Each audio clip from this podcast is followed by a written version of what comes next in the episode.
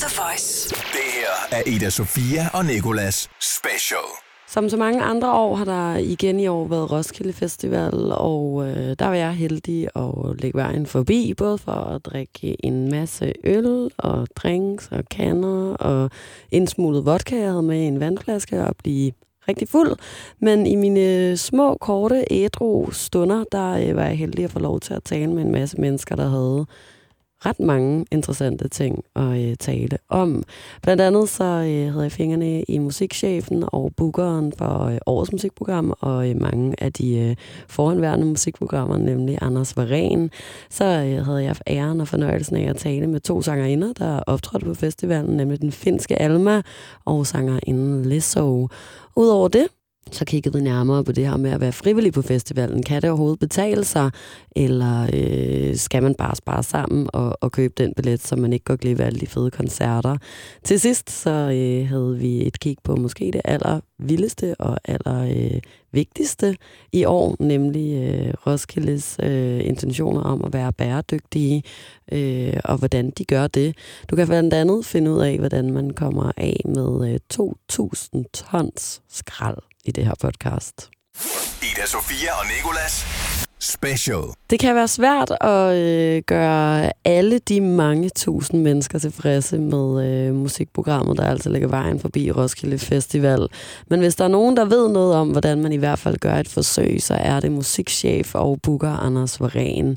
Derfor så har vi øh, talt med ham om, hvordan man øh, sammensætter det perfekte musikprogram, hvad man gør sig af tanker og grundlag for de valg, man tager, og hvordan man finder ud af, hvem der er den perfekte kunstner til at åbne orange scenen. Vi har et rigtig godt program i år, øh, og det har vi også kunne mærke øh, på efterspørgselen, når vi er tidligt udsolgt, så folk virker også til at være glade.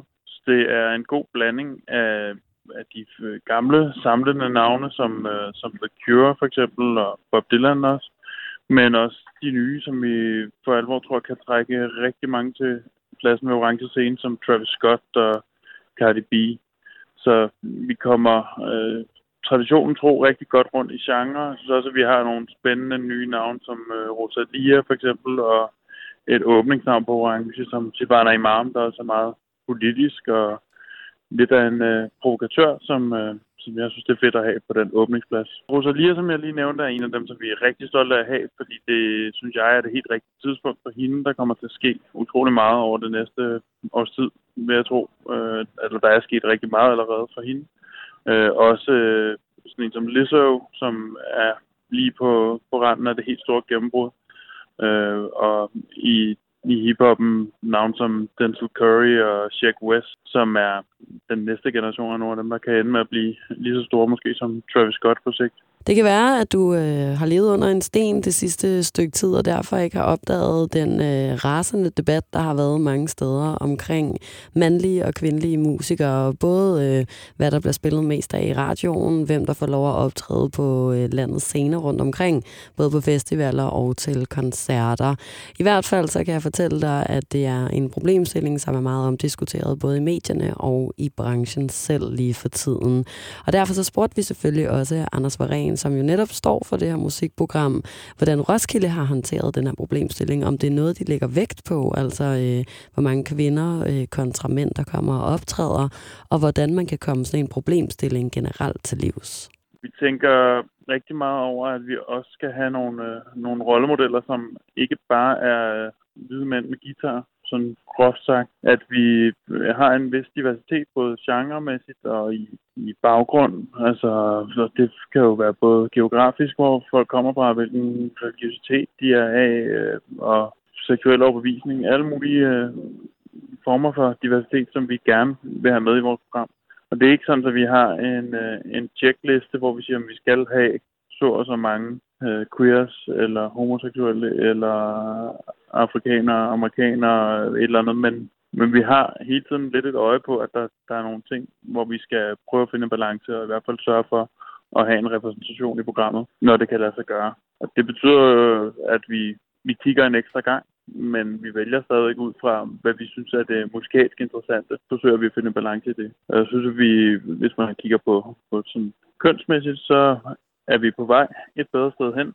Både hvis man kigger i, i procenter, og hvor mange kvinder vi har på scenen, men også i forhold til, at, øh, at nogle af de meget tonangivende navne, der er, som, øh, som Robin og Cardi B og Tina Monet, nogle af dem på Orange, Silvana Imam, som åbner, men også Lizzo og Rosalia og Flohio og en masse andre spændende, Maggie Rogers. På de mindre scener, så synes jeg, at vi, vi har rigtig mange gode forbilleder. Øh, og så har vi faktisk en, en højere procentdel, hvis man ser på vores øh, Rising og Countdown, som er vores scener for, for nye upcoming musikere. Så der er også, øh, synes jeg, håb for fremtiden. Der, der er forhåbentlig endnu flere piger, der samler instrumenter op og bliver ved med at spille musik, lave musik, komme ud og spille koncerter. Og det vil vi rigtig gerne være med til at inspirere dem til. Det udvalg, vi sidder og kigger i, når vi øh, skal booke, er der stadigvæk øh, langt flere udøvende musikere, der er mænd. Og det, det er jo noget strukturelt, øh, og det starter helt sikkert tidligt i øhm, ja, nærmest ned til børnehaver med skoler og ungdomsskoler og musikskoler osv., at øh, hvis vi ikke får, får fremælsket en kultur der, hvor det er lige fedt, om man er dreng eller pige, så ender vi med en skævvridning senere. Hvis vi ikke også i, i øvelokalforeninger og på upcoming koncerter og hele vejen op igennem hovedkæden har et fokus på det her, så kan vi se indtil nu i hvert fald, så har der været en tendens til, at pigerne falder lidt hurtigere fra end drengene. Og det tror jeg, det, det er jo der, vi skal forvente, hvis vores udbud også skal være et andet i fremtiden. Så vi sætter også ind og støtter op med vores donationer til om nogle af de initiativer, der er for at få flere unge piger til at følge musik og dyrke musikken. Ida Sofia og Nikolas Special. Nu har øh, Anders Varen jo lige udtalt sig omkring det her med øh, kvinder på Roskilde Festivals musikprogram, og jeg kan øh, skrive under på, at der var en masse dejlige af slagsen optræde. Herunder blandt andet også øh, store danske stjerner som Jada og Mø, den upcoming øh, rapper Tessa, og så var der altså også internationale navne som Georgia Smith, Cardi B og to af de sangere, som, øh, som jeg også selv talte med, hvoraf den ene er en øh, finde ved navn Alma, som øh, du måske kender fra øh, Chasing Highs eller Dye My Hair. Hun har i hvert fald selv farvet håret meget, meget gult. Det er meget langt. Og øh, hvordan den snak lød, det kan du høre lige her. Well, um, you released a single called Lonely Nights. Yes. Yeah. And could you maybe describe a little bit uh, what it is about? It's about, you know, frustration when, um, especially when I was younger, I used to always have problems that, you know, people, they really wanted to try things with me, but then they never loved me back. And it's about like, yeah, it's kind of about when, when somebody is just like, you know, playing with me and not actually really wanting something uh, like important with me. Um, because Genius also quoted you saying that uh, it is about uh, girls like trying uh, to uh, experiment their Yeah. sexuality and stuff like that. And what would you say you should do if you wanna like try different stuff and try out if you like girls or boys but don't want to hurt anyone? I think you should always just be honest. I feel like and and like talking to each other about their feelings and like even though if you just want to have sex then you should say like I just want to have sex but just don't do that and then like don't answer back. That's that's rude. So like honesty and talk to each other and then I, everything's going to be fine because then you're able to say no or yes. talking about uh, sexuality and stuff like that, it's uh, Pride Week in Copenhagen in a bit. And I think that you know who you are and what you stand for and stuff like that. Do you have like uh, good advices for young people that maybe don't know yet or maybe are afraid to come out and stuff like that? I feel like you know, maybe you're maybe maybe you're doing it a bigger deal than it is. Like when I came out, it was like totally fine for everybody, and like, fuck it, like you you should be able to love who you want to love, and like, it's like people that don't. Like people that hate that have, are homo- homophobic or something like they're just they're just idiots. So like be you and and you, you gotta be brave uh, to vi- survive this world so and also like but yeah it's, it's not that big big deal just come out and and do you Um, and talking about uh, pride and homosexuality and stuff like that, I know that you have a tattoo. Um, yeah, you have a lot of tattoos, but you have one that says uh, gay, right? yeah Who made that?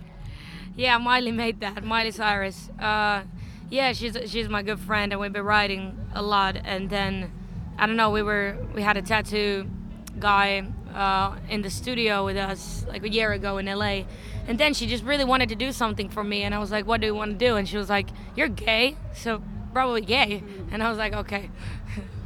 Um, are you guys like maybe doing some music together or anything? I don't know. I've heard rumors. Yeah, me too. Yeah, I've heard rumors. Uh, we've done a lot of music together, and we've been like we have a lot, a lot, a lot of music uh, on our producer's computer, uh, and hopefully it comes out, and hopefully we have a song together. I can't, obviously, but but uh, yeah, I've heard rumors. Can you maybe tell a little bit about what what themes you are writing about, or we're just talking about like we have a lot of like s- same kind of mind and i feel like we're just talking about you know being who you are and uh, be able to love who you want and and just like you know struggles that we've had. Like we're both i'm 23 she's like 25 or something. We're both young like female adults in the same business. Obviously she's huge and i'm just starting.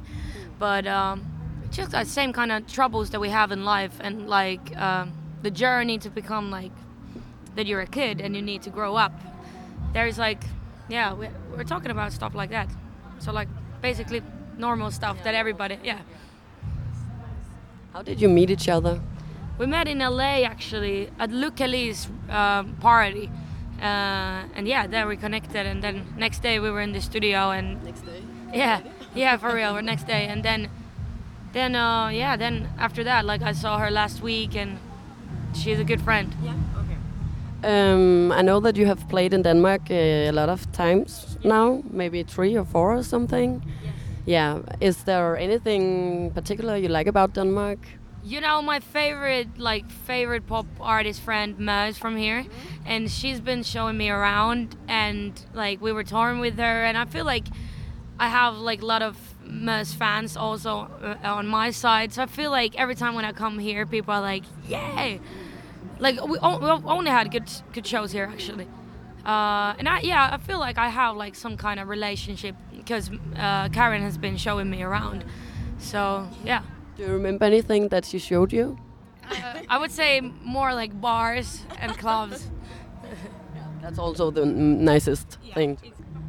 In the end, I uh, I was just wondering because I am following you on Instagram, and you uh, wrote out and asked people what their like favorite part of uh, of your song "Lonely Nights" was.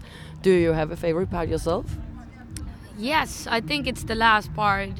Uh, or I, no, actually, I would say it's the second verse, and it goes like, um, um, come on, I can't fucking remember my own lyrics now. How does it go? Wait, uh, I keep my, I, I said I've keep keep my heart hidden, but my my lips was slipping, and I told you everything, uh, which I feel like I always do. Like I always say that I'm not gonna I'm not gonna say that I like her, or I'm not gonna say about this like on the stage. Like somebody made like a bad article about me, I'm not gonna say on the stage anything about it. Yesterday, literally, I was in a stage and I was like, you know that bad article, like fuck that, and like that's just me. And I feel like that was very honest. Uh, that's my favorite part.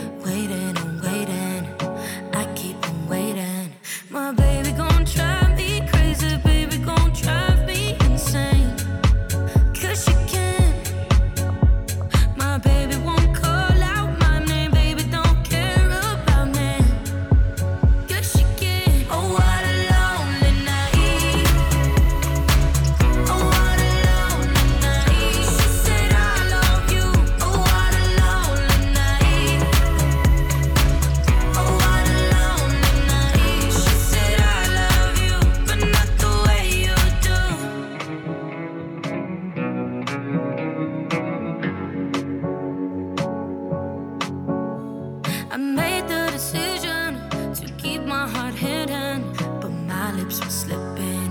I told you everything. You blamed me, don't marry. Never said you were sorry. You broke me to pieces, broke me to pieces. My baby gon' drive me crazy, baby gon' drive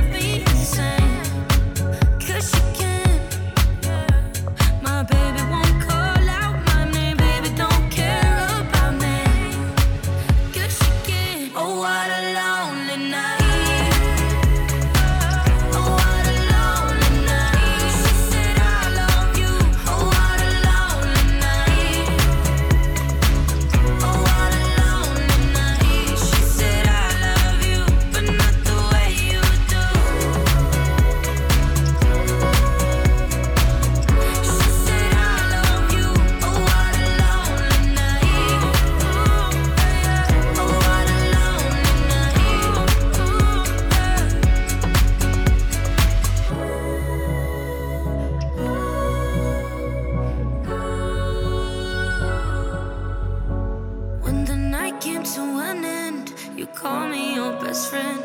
You said he was lovely, but you never loved me.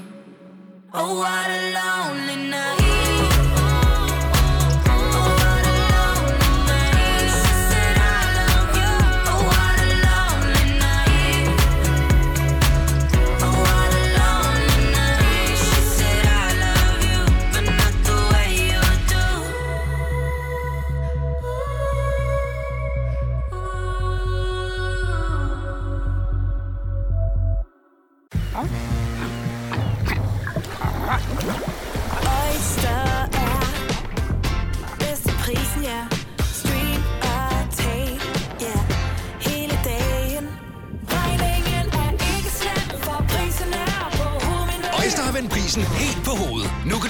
Tale 50 GB data for kun 66 kroner de første 6 måneder. Øjster, det er bedst til prisen. Haps, haps, haps. Få dem lige straks. Hele påsken før, imens billetter til max 99. Haps, haps, haps. Nu skal vi have... Orange billetter til max 99. Rejs med DSB Orange i påsken fra 23. marts til 1. april. Rejs billigt, rejs orange. DSB, rejs med. Haps, haps, haps. Ida Sofia og Nikolas Special. En anden sangerinde, som jeg også havde fornøjelsen og, øh, og oplevelsen, kan man næsten kalde det, af at tale med på festivalen, det var Lizzo. Hun er det, man kan kalde en øh, kropsaktivist, positivist. Hun øh, kæmper for, at øh, alle kroppe og alle mennesker på den her planet er øh, lige meget værd og lige gode. Og så udover det, så hader hun insekter. Og hvorfor, det kan du finde ud af nu. You have been called uh, like the lawyer of body uh, positivity. The what? The lawyer, like lo- Lawyer? lawyer? Yeah, lawyer. Sorry. The lawyer? the lawyer, yeah, you know, like if you go in court and you. oh, I've never heard that one. You never heard that one? Okay, sorry. I was researching and I read that. Yeah. Um, and I was just wondering, what do you feel about like being called that? I've never heard that before, so I don't know. I feel um, But do you feel it fits on you, or? the lawyer. Um, woo, bitch! You see that B, bitch? Oh shit! Let that motherfucker go. Um, I mean, I I don't know. I people gonna call me whatever they want to call me. You know what I'm saying? Like at the end of the day, like I'm an artist and um I'm, and I create music and I'm a passionate performer.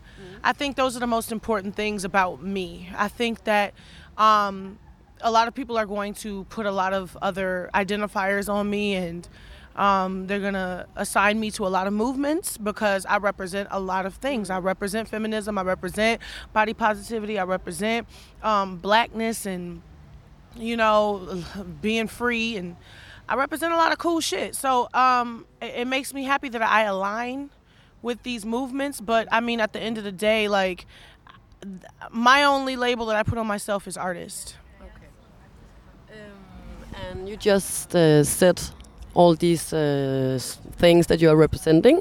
When do you remember, like when you started, feel that you wanted to represent like body positivity, or Well, I mean, I didn't feel like I wanted to represent it. I just had to. I feel like it was my. It, I I had no choice. Um, I wanted to wear um, dance leotards on stage, and that meant that my legs were out, and I needed to be confident in that. I didn't want to not be confident in that. Um, I want to wear the looks that I wear. I want to have my titties out. I want to post, you know, sexy photos on the gram. Like, I want to talk about how I love myself. Like, these are things that I want to do. I didn't feel like I needed to be a body positive person. I just wanted to express myself, and this is how I express myself. Um, so there was no one day, but I definitely felt like more confident in myself and who I am. Um, maybe like 2013. I remember when I put out uh, this song called My Skin. I really loved the way that I felt when I talked about how much I loved my skin, and um, I, I noticed that people really reacted to that in a major way. So I was like, oh, you know, um, this is probably the route I want to go. I don't want to talk about anything negative. I don't want to manifest anything dark into my life. I just want to talk about the good shit. So um, here we are. You made a song called Soulmate. And do you have like a good advice to how people can become their own soulmate? Absolutely. I mean, you listen to Soulmate 21 times. I think that there is no advice to become your soulmate because you already are. I think that when we're born, we're born with this like really beautiful, unconditional love for ourselves and for everyone around us. And I think when we grow older, we're taught to have fear and we're taught to, um, you know, unlove ourselves. And um, I think that life is all about getting back to uh, basics, getting back to that that that self-loving, unconditional baby that you were um, before the world um, took it away from you. So I would say take you back to the things that make you feel like a baby. Like they always ask me, "What do you do when you're feeling down?" And I'm like, "Bitch, I like to swathe myself in my blankets. I like to eat good food. I like to cry sometimes. Um, I like to do what I want to do, and, that's what babies do. I realize. I'm like, oh shit. So maybe I just treat myself like I'm a baby. That's a good advice. Um, how do you think that your album reflects reflects? Is that my English is not that good? Sorry. Uh, reflects um, all that you love and stand for and stuff like that. Um, I think my album uh, does a really good job. I'm just watching this airplane in the sky. It's circling, so it's kind of weird. But anyway, I think that my album does a really good job of um, uh, encapsulating where I'm at in my life. Like, um, I'm telling stories, real ass stories about what I went through from Soulmate to Jerome to um, Cause I Love You. All of these songs were written, um, Truth Hurts. All these songs were written from real moments that happened to me and real emotions that I felt in the studio. So um, it, it reflects it pretty fucking well. um, I always try to find a silver lining. I don't like to be sad. I hate being sad, but I get sad. Um, so I've worked so hard on like having like mechanisms in place so that I don't stay sad for long. Because I used to be sad for so long. I used to be sad for weeks and weeks and weeks. And I would stop talking to people and I would be so depressed. And I'm like, I don't want to feel like that anymore. So all of my songs kind of have a silver lining on the end. So when you listen to them, they feel very positive and they feel very self-loving because I'm trying to get to that place. You know, I'm not there. You're listening to the journey, and I think that's what's so attractive about it. And what do you hope the messages in your music can do for people who listens to it? I hope that people can see themselves. And bitch, did you see that shit? I saw it. These fucking bugs been bothering my ass all day. It's still in there. Um, yeah, on your. Uh, Alex! Alex! Oh my God! Get Alex! Oh. It's still there. Does it hurt? Yeah, it's still there, but it's not alive or anything. It's just a little yellow thing. A bug died in my lash. Yeah. Hurry, hurry! Where? Ah, ah! look up, up, up, up, up. Got it. Okay. What the fuck? Oh no. These fuckers been bothering me all goddamn day. Are alright? Shit. It, no, but it flew into my Yeah. eye. Like kamikaze. um, anyway, I hope that people can listen to my music and, and see themselves in it. I can never really tell somebody how to live their life. I think that that's what life is all about. Is like you have to live it and you have to discover, um, you know, your story. And I think that my story, hopefully, is just one that you know hasn't really been told. Um, I'm only laughing because I'm thinking about the bug that was in my eye. but my story is one that hasn't really been told, and um, or at least from a perspective that I have. Do you have a bug in your tea? No, no, it's glitter. It's glitter girl. it's Um, at least from the perspective, you know, that I have, which big black girl from the south, you know what I'm saying? You know, trying to figure out how to love herself in a world that doesn't love her back, you know. I think everybody can relate to that in some way. So I hope that somebody could just listen to it and see that it's possible for them. Um, you don't have to do exactly what I did, but you can just see that it's possible, you know? Yeah, I know. You also made a song um, called Boys.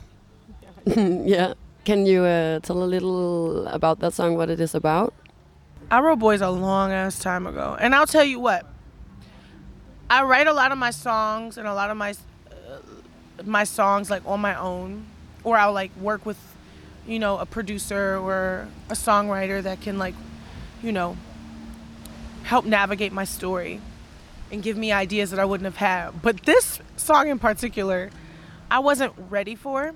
Um, I remember we were in the studio and I like didn't like I was just sitting there and this guy who I was with, he was like, "Boys, boys, boys," and this was like three years ago, like three and a half years ago at this point, and he was like, "Boys, it's about boys," you know. And I was like, okay, and I wanted to be this like, I wanted to be this pimp, pimp, player, player. Mm. I wanted to have all these types of boys, but I mm. didn't. Honestly, my phone was dry. I wasn't really like, you know, oozing sexuality like I am now. And, I, I, I was writing about who I wanted to be, and I wasn't ready, so the song didn't come out. Um, and then years later, I was ready, and we were like, let's put this shit out. So, Boys is about the the girl I wanted to be. I wanted to be this girl that just had the world as her oyster, and I wanted to just sing about how boy crazy I was, and and how boys are crazy about me, and um, I feel like I'm finally there. Det her, det var øh, interviewet med Lizzo, og jeg synes også, du skal have en af hendes sange. Men The Boys, som hun også selv nævner, er en lille smule gammel, så synes jeg, at vi skal tage den, som øh, vi startede med at tale om i starten, nemlig Soulmate. True story. no glory. Let's go. Yeah, the old me used to love a Gemini. Like a threesome, fucking with them every night. A lot of two-faced people show me both sides. So I figured out I gotta be my own type. They used to say to get a man, you had to know how to look. They used to say to keep a man, you had to know how to cook. But I'm solo and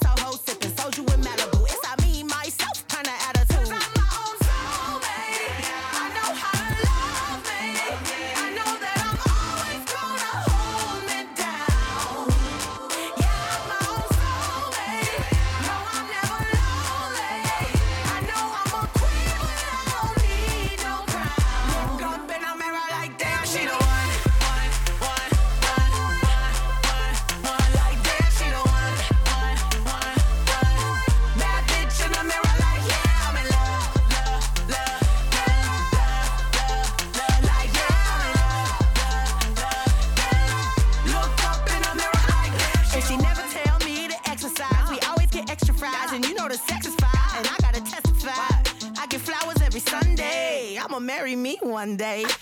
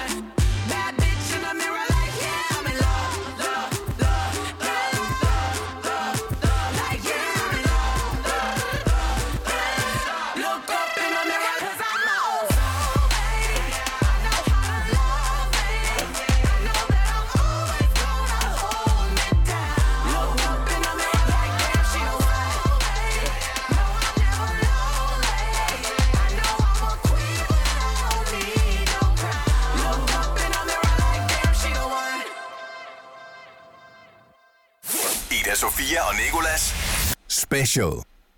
Det er som regel øh, meget unge mennesker, der tager på Roskilde Festival, særligt for at ligge i, øh, i øh, hvad hedder det, campingområdet og søbe rundt i makrel og tun og ølbongs og øh, hvad der ellers skulle være af lækkerier dernede i alle dagene op til, at musikken den starter.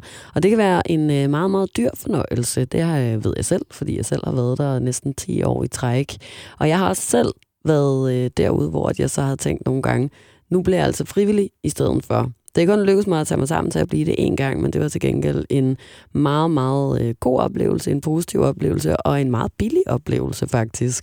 Vi har talt med øh, Amalie, som også har været frivillig på festivalen i mange år, omkring det her med, øh, hvorfor at det er så fantastisk at være frivillig på lige netop Roskilde Festival. Det var egentlig fordi, at min veninde blev spurgt, om hun ville have et job øh, i Backstage Village som frivilligansvarlig, og de manglede en designansvarlig. Og på det tidspunkt, der gik jeg øh, på performance design på RUK, og gik helt vildt meget op i design og interiør og events og alt muligt. Eller det gør jeg stadig, men især der. Og øh, så spurgte hun bare mig, om jeg var interesseret i det. Og så blev jeg ligesom sådan ret random en del af holdet, men, øh, men det, var, det var ret unikt, fordi jeg jo ikke havde, jeg havde ikke på den måde, jeg gik jo bare på universitetet, og havde ikke noget, noget sådan praktisk erfaring med øh, designudvikling eller noget. Og det var helt vildt syret, det der med at få mulighed for at gøre det som en ægte voksen i en alder af 24. Så selvom at det er frivilligt, så får man sindssygt mange fede erfaringer, man egentlig kan bruge på, i sit arbejdsliv. Og så, øh, så er der bare en særlig ånd, som er bygget op over rigtig, rigtig mange år, som handler om fællesskab, og man er, at man hjælper hinanden, og man er sammen på en helt anden måde, når man arbejder frivilligt, synes jeg. På Roskilde i hvert fald. Nu er jeg frivillig rigtig mange forskellige steder, men den der fællesskabsfølelse, som der virkelig er, og den der følelse af at være en del af noget, der er større, er noget, jeg kun har oplevet på Roskilde. Jeg tror først, man virkelig ved, hvad det er for en følelse, det drejer sig om, når man har prøvet at være frivillig. Altså, jeg vil bare anbefale alle at være det. Og der er fucking nice, øh, altså sådan frivillige områder, som jeg tror, de færreste kender til. Altså sådan en frivillig bar, der hedder Barok, som er rigtig nice at hænge ud i, og man kan få massage og sådan noget. De gør også vildt meget for, at i de Roskilde Festival, at man, at man skal få lyst til at være frivillig, og man har det nice som frivillig.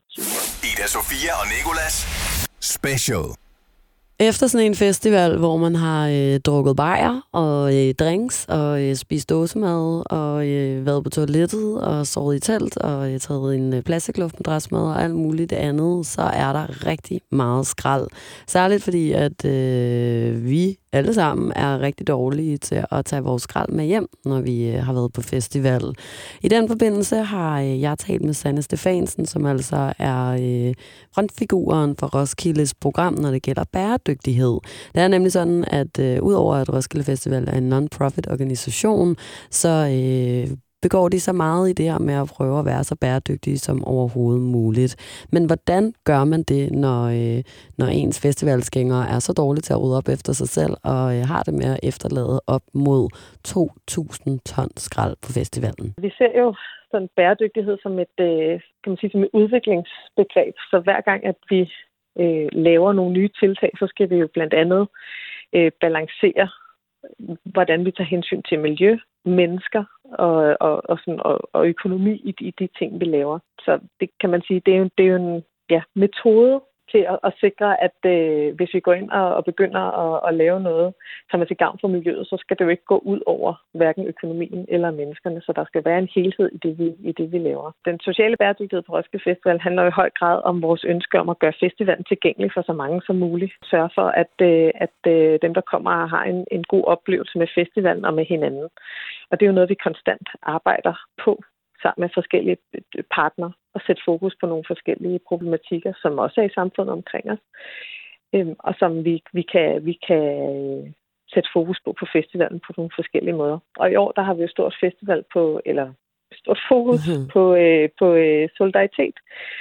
Så øh, der, er, der, der, er, der er mange forskellige øh, kan vi sige, aktiviteter, workshops, øh, ja, inkluderende øh, events på festivalen, som har, som har fokus på, på netop det, det, det tilgængelige øh, solidariske og mangfoldige. Vores økologiske rejse startede rigtig i 2013 øh, og har udviklet sig over årene, sådan så vi har en højere og højere procent af økologiske varer, der øh, er i, i vores mad. Og sidste år, der, der ramte vi de 90 procent, og det er sådan set ambitionen igen i år, at øh, 90 og gerne op til 100 procent af maden er økologisk. I år, der følger drikkevarerne med, så vi har et større udvalg af økologiske drikkevarer, end vi nogensinde har haft. Derudover så, øh, så, ja, så har vi også sagt øh, nej til de her bionedbrydelige plastsugerør, øhm, og har i stedet for introduceret nogle papirsugerør. Men vi har også sådan fjernet dem, så det ikke er default, at man får udleveret et, øh, et sugerør, når man køber en, en drikkevare. Og det er, egentlig, det er ikke fordi, vi tror, at det med at fjerne plastsugerør redder øh, verden det handler mere om at få sat fokus på, øh, på sådan brug og smid væk kultur. Altså et, øh, et produkt, man måske ikke rigtig har behov for. Mm. Kunne man undvære det, når man, når man skulle have en, en, en drink eller andet på festivalen. Et af de områder, som jeg gerne vil fremhæve, det er selvfølgelig øh, der, hvor vi har en af vores største udfordringer, og det er på affaldsområdet. Der er en tendens til, at der bliver, bliver efterladt rigtig meget øh, brugbart campingudstyr på vores øh, plads. Det er der, hvor man kan tage et stort ansvar selv som deltager på Roskilde Festival, det er ved at, at tage sine ting med hjem og bruge det igen. Nu har vi jo en tid, hvor vi er ret ops på, øh, på forskellige øh, øh plastprodukter øh, og, og minimere spillet af plast, og det er jo sådan set det størstedelen af, af campingudstyr består af. Det, det er plast så, øh, så det er jo ret stort pladsspild, når et øh, telt eller en pavillon bliver efterladt. Og så er der selvfølgelig de her luftmadrasser, som øh, mange af dem indeholder øh, det her bløde PVC, som, øh, som også er problematisk. Så, øh, så, så det er der, vores største udfordring ligger. Men vi har haft ekstra stort fokus på netop forberedelsen til, hvordan er det, man tager på, på Roskilde Festival. Hvad er der for nogle gode ting, man kan gøre for sig selv og for sin lejr, inden man kommer herned? Hvad er det for nogle overvejelser? Øh, I samarbejde med den grønne studenterbevægelse har vi lavet fem gode råd, som deltagerne kunne benytte sig af, som blandt andet handler om at investere i noget mere øh, brugbart kvalitetsudstyr, som man så kan tage med hjem, bruge igen året efter. Også det her med bare sådan at tænke sådan, okay, hvad er det, hvad, hvordan, hvordan er jeg selv lørdag eller søndag, når jeg skal hjem fra Roskilde Festival? Har jeg, har jeg tømmermand? Kan jeg overskue det? Hvad, hvordan kan jeg gøre mig selv en tjeneste nu her? før jeg tager på festival, øh, lave det, vi så har kaldt en exit-plan. Ikke? Hvordan kommer jeg ud af det her på en god måde, hvor jeg får, får samlet mig selv og mine ting sammen. Først det, det, der bliver efterladt, det bliver samlet sammen, og så rører det på, til, til forbrænding. Øh, det er størstedelen af det. Vi har nogle øh, enkelte initiativer, som vi, hvor vi prøver lidt af i år, at man kan aflevere sit brugbart udstyr til genbrug hvis man er deltager hernede. Mm. Øhm, men men øh, som sådan, så, øh, så når vi taler i omegnen af, af øh, øh, 1000 ton øh, affald, hvor et campingudstyr er en, er en stor del af det, så, øh, så, så det er øh, ret umuligt at, at sørge for at få indsamlet og genbrugt det hele. Altså vores samlede, øh, vores samlede øh, affalds, øh, det vi indsamlede sidste år, det var 2200 ton. Jamen det koster os øh, i omegn af 8 millioner. Det er så hele vores renovationsindsats. Mm. Ikke? Øhm, man kan sige, at det er jo, vi er jo Danmarks fjerde største by, når vi er i, i, i drift. Så 130.000 mennesker, der er samlet på et sted, det genererer jo selvfølgelig noget affald. Selvom altså, mængderne er store, så er det også forventeligt, at der er noget affald. Vi skal bare sikre os, at øh, vi får reduceret den mængde. Det kan man især gøre ved at tage sine ting med hjem. Og så skal vi sørge for, at vi kommer øh, miljøansvarligt af med, med det affald, der, der så bliver efterladt. Ikke? Hvert år så laver vi jo øh, nye tiltag. Jeg tror, et af de, øh, de store tiltag, hvis vi i hvert fald kigger på den, kan man sige, den grønne bæredygtighed, har vi jo valgt at sige øh, nej tak til, til bionedbrydelige øh, kan man sige, indgangskrus, og så indføre genbrugsglas i stedet for, som, øh, som så bliver vasket. Og det er jo selvfølgelig øh, i samarbejde med nogle partnere, men det er jo en, øh, en økonomisk øh, prioritering at sige, sådan, vi tror på, den her løsning er den rigtige, både i forhold til, øh, til den miljøcase, der kommer ud af det, men også i forhold til, at det, de midler, som vi så investerer i det, er med til at, at, at sikre, at det, det går den rigtige vej. Ida Sofia og Nikolas Special. Det her var det sidste, der var på Roskilde Festival Special podcasten. Jeg håber, at du har nytten, at du er blevet klogere på arrangementet, og at du øh, måske har en lidt mindre blues, Roskilde Blues, og øh, nu bare glæder dig endnu mere til næste år. I hvert fald så glæder jeg mig rigtig, rigtig meget, og noget, som jeg vil huske, det er det her med at øh, rydde op efter mig selv, når jeg er på festival, så øh, alle Roskilde Festivals penge kan gå til øh, velgørende formål, og ikke på at rydde øh, mine makraldåser og min luftmadras op. Jeg håber, at vi lyttes ved på et andet tidspunkt.